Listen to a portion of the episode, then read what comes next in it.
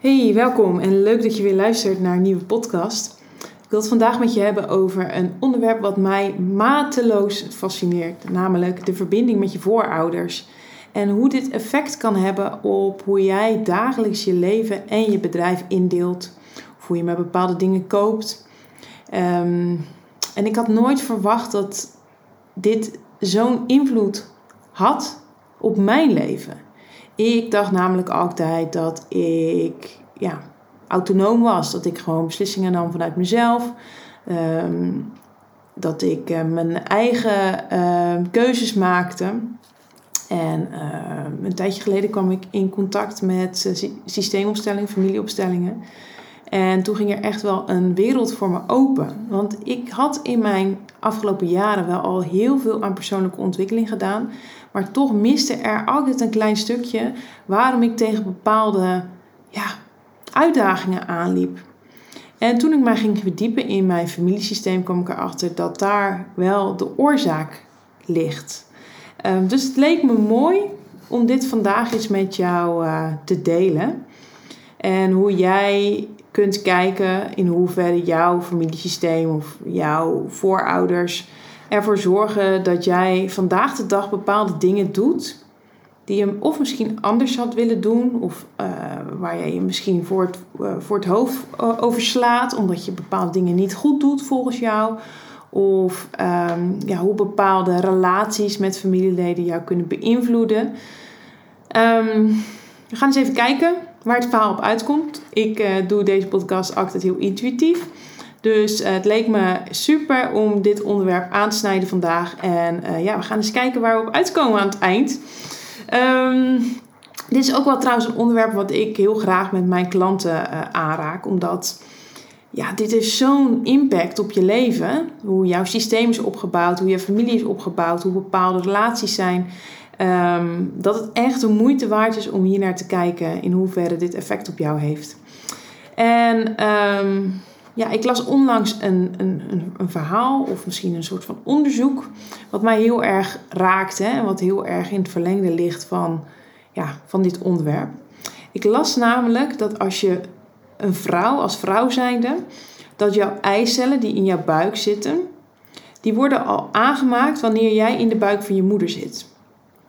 Dus de eicel waar jij in hebt gegroeid in de buik van jouw moeder, is in feite al aangemaakt in de buik van jouw oma. Dus de cellen en uh, stukjes gene genetisch materiaal um, is wetenschappelijk bewezen dat dat onderdeel van jou, uh, dat er als stukjes van jou aangemaakt zijn in de buik van jouw oma. En dat vind ik zo magisch, want als je erover nadenkt, dan heb jij eigenlijk zo'n sterke, ja, echte bloedband met je moeder en met je oma. Um, waardoor het helemaal niet gek is dat je bepaalde energieën of, of oh, ja, eh, verbindingen die je voelt, of misschien, um, ja, of misschien mist, dat dat al dat dat heel sterk kan voelen, omdat dat gewoon in je, in je systeem zit. En um, ja, zoals ik net al zei, we denken allemaal dat wij onafhankelijk zijn, dat we keuzes maken vanuit onze eigen, ja, vanuit onze eigen intuïtie of misschien vanuit onze eigen wilskracht of uh, vanuit een eigen overtuiging. Maar heel veel van beslissingen die wij maken op dagelijkse basis zijn gebaseerd op conditioneringen. Dus op een bepaalde bril die jij op hebt. En ik heb dat natuurlijk heel vaak hierover in, uh, in de podcast. Uh, je wordt geboren en je bent redelijk blanco, nou, tot, tot zover dat kan. Hè? Want uh, ja, we hoorden net al dat bepaalde genetisch materiaal aangemaakt is in de buik van je oma. En je hebt natuurlijk bij je moeder in de buik gezeten. Dus dat soort stukjes aan, aan weefsel en aan energie, daar geloof ik heel sterk in, neem je al met je mee, al wanneer je geboren wordt.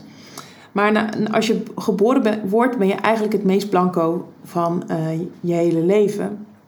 En naarmate je opgroeit, uh, dan word je opgevoed.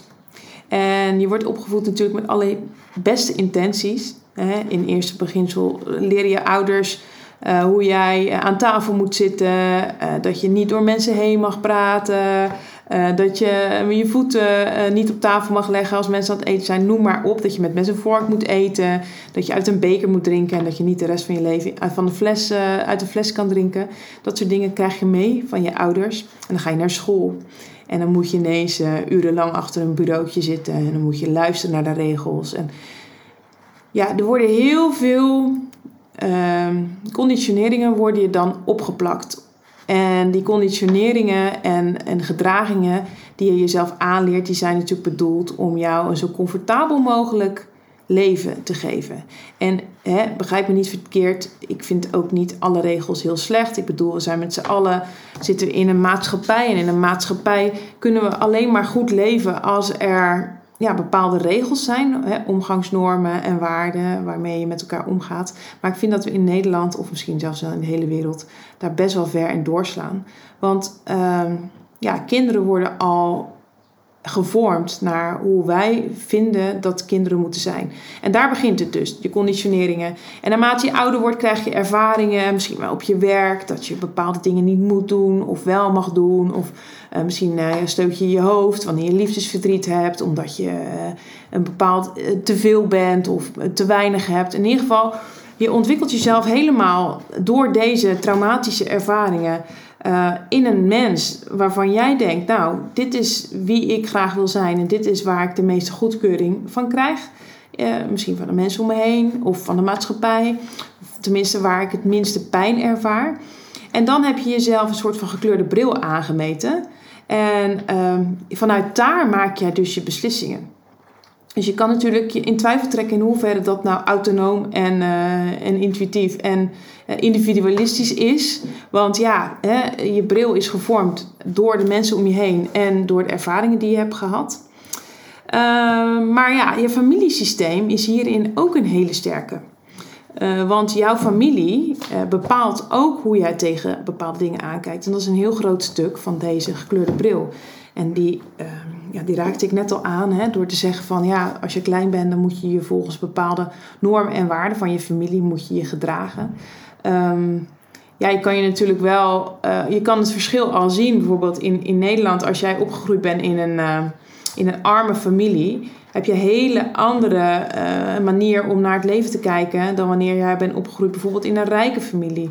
En het is natuurlijk niet zo zwart-wit, maar het komt over het algemeen wel neer op dat er bepaalde um, ja, klassen of, of onder, onderdelen of, of categorieën in de samenleving zijn waar bepaalde regels gelden.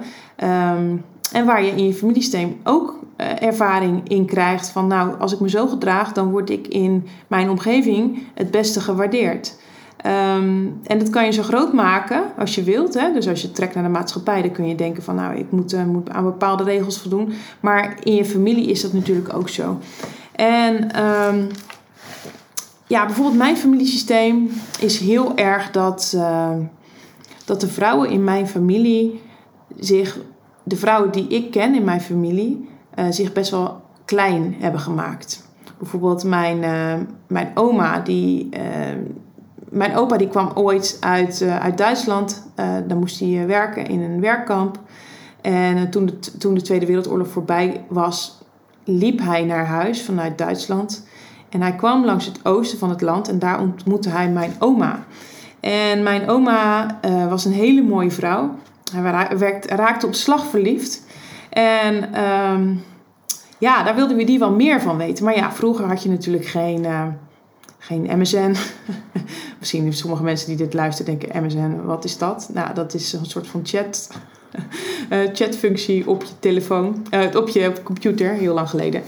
Um, je had geen WhatsApp. Um, je had misschien zelfs geen telefoon zo na de oorlog. Je had helemaal niks. Dus wat mijn opa deed, was elk weekend, die pakte de fiets met de harde banden. Want na de oorlog was het uh, niet gebruikelijk dat je een fiets had met, uh, met, met, met luchtbanden. En dan fietste hij van Schiedam, want daar woonde hij, naar Dedemsvaart. En daar woonde mijn oma. En op een gegeven moment heeft hij mijn oma meegenomen naar Schiedam. En heeft hij haar uit de vertrouwde omgeving gehaald.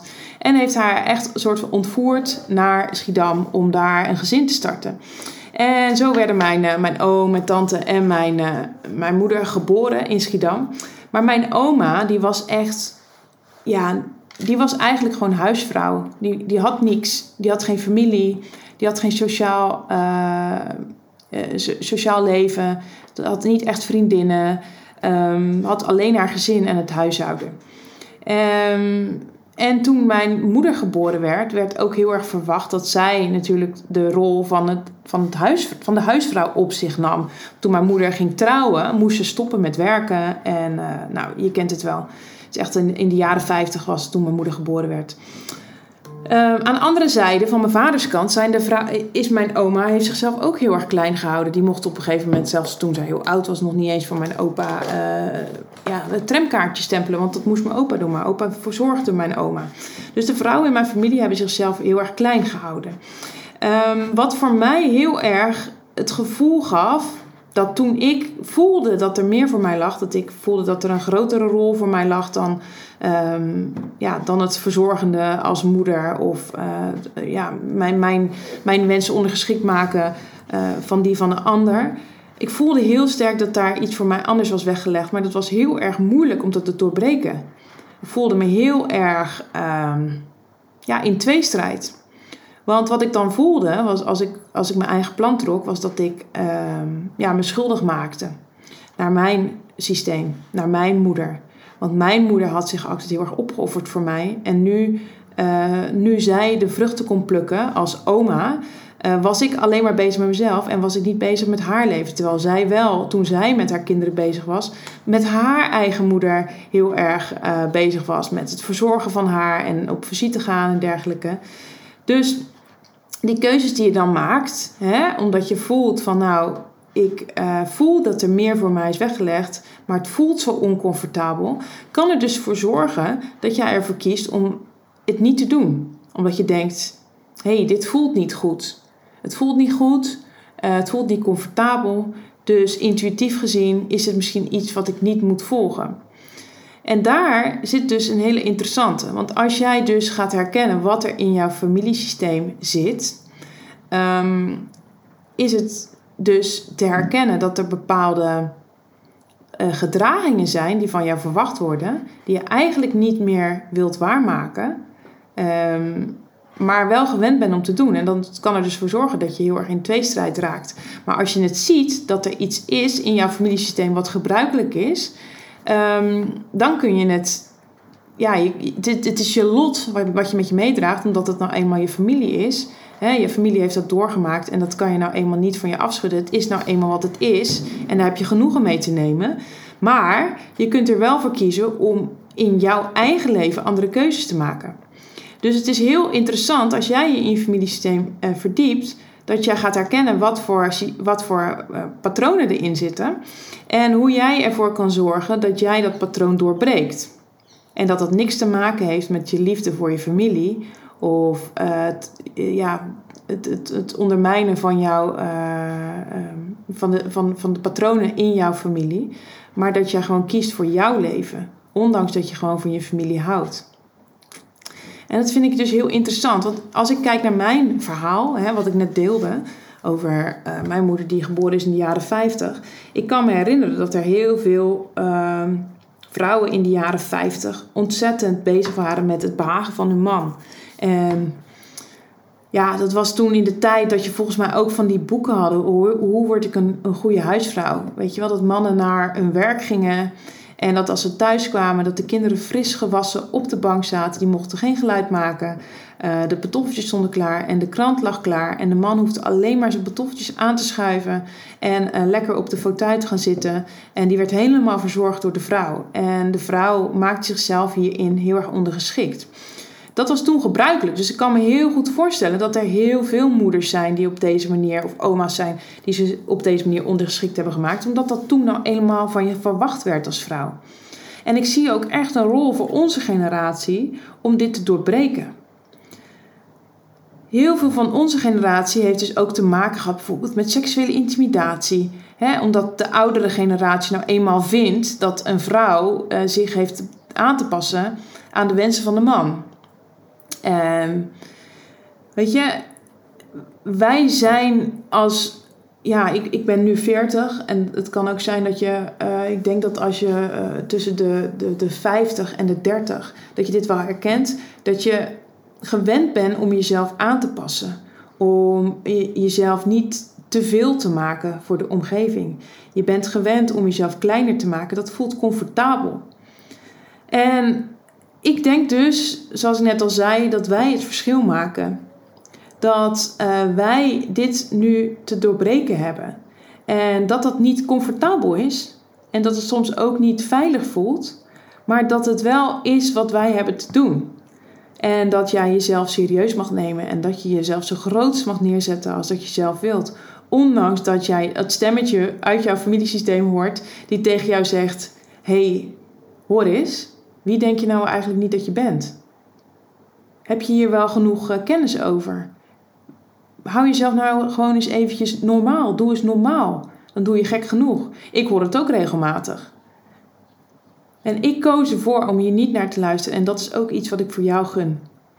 Want als jij gaat herkennen waar dit stemmetje vandaan komt en hoe dit zich in jouw familie heeft gemanifesteerd. En hoe je ervoor kan zorgen dat jij je eigen keuzes maakt. En dat dat er misschien wel voor zorgt dat je je schuldig voelt naar je moeder, omdat je misschien niet te vaak genoeg belt of vaak genoeg langskomt. En dat zij ook geen moment onbenut laat om dat te laten merken. Misschien doet jouw moeder dat niet hoor. Mijn moeder, moet eerlijk zeggen, doet dat ook niet echt. Maar ik weet wel uh, dat er moeders zijn die dat doen. Dat je met liefde naar je moeder kan kijken en dat je snapt waar, deze, uh, waar dit vandaan komt. En dat je ook met liefde kan kijken naar je familiesysteem, waar jij vandaan komt. En dat alle voorouders die voor jou hebben geleefd, allemaal bepaalde opofferingen hebben moeten doen om ervoor te zorgen dat jij hier nu bent. Dat het neerkomt op dit moment. Wanneer jij nu leeft, al die mensen komen hier in jou samen. En hoe belangrijk het dus is dat jij ten volle leeft. En dat jij je moment pakt. En dat je alles pakt wat je maar kan pakken. En dat je het opeist. Omdat jij vindt dat dit belangrijk is voor jou in je leven. Wanneer je dit gaat aankijken, wanneer je serieus mee aan de slag gaat, dan wordt het allemaal minder zwaar. Dan is het er wel, want je gaat het waarschijnlijk niet oplossen. Nou, dat weet ik wel zeker. Je gaat het niet oplossen. Maar wanneer je het aankijkt en je laat het gewoon dobberen, net als die strandbal, weet je wel. Als je zo'n strandbal op het strand hebt en jij eh, gaat proberen deze strandbal onder water te duwen, zo van, uh, ik wil niet dat hij er is. Dan gaat hij met een noodgang proberen naar boven te komen. En wanneer je even niet oplet, dan schiet die strandbal met een rotgang tegen je kinderbak aan aan de onderkant. Wat ook nog ontzettend pijn doet. Um, wanneer je die strandbal gewoon laat dobberen, dan is die er gewoon. Maar dan doet die eigenlijk geen pijn. Dan is het gewoon iets wat er is en waar je mee hebt te dealen. Maar het kost je niet heel veel energie.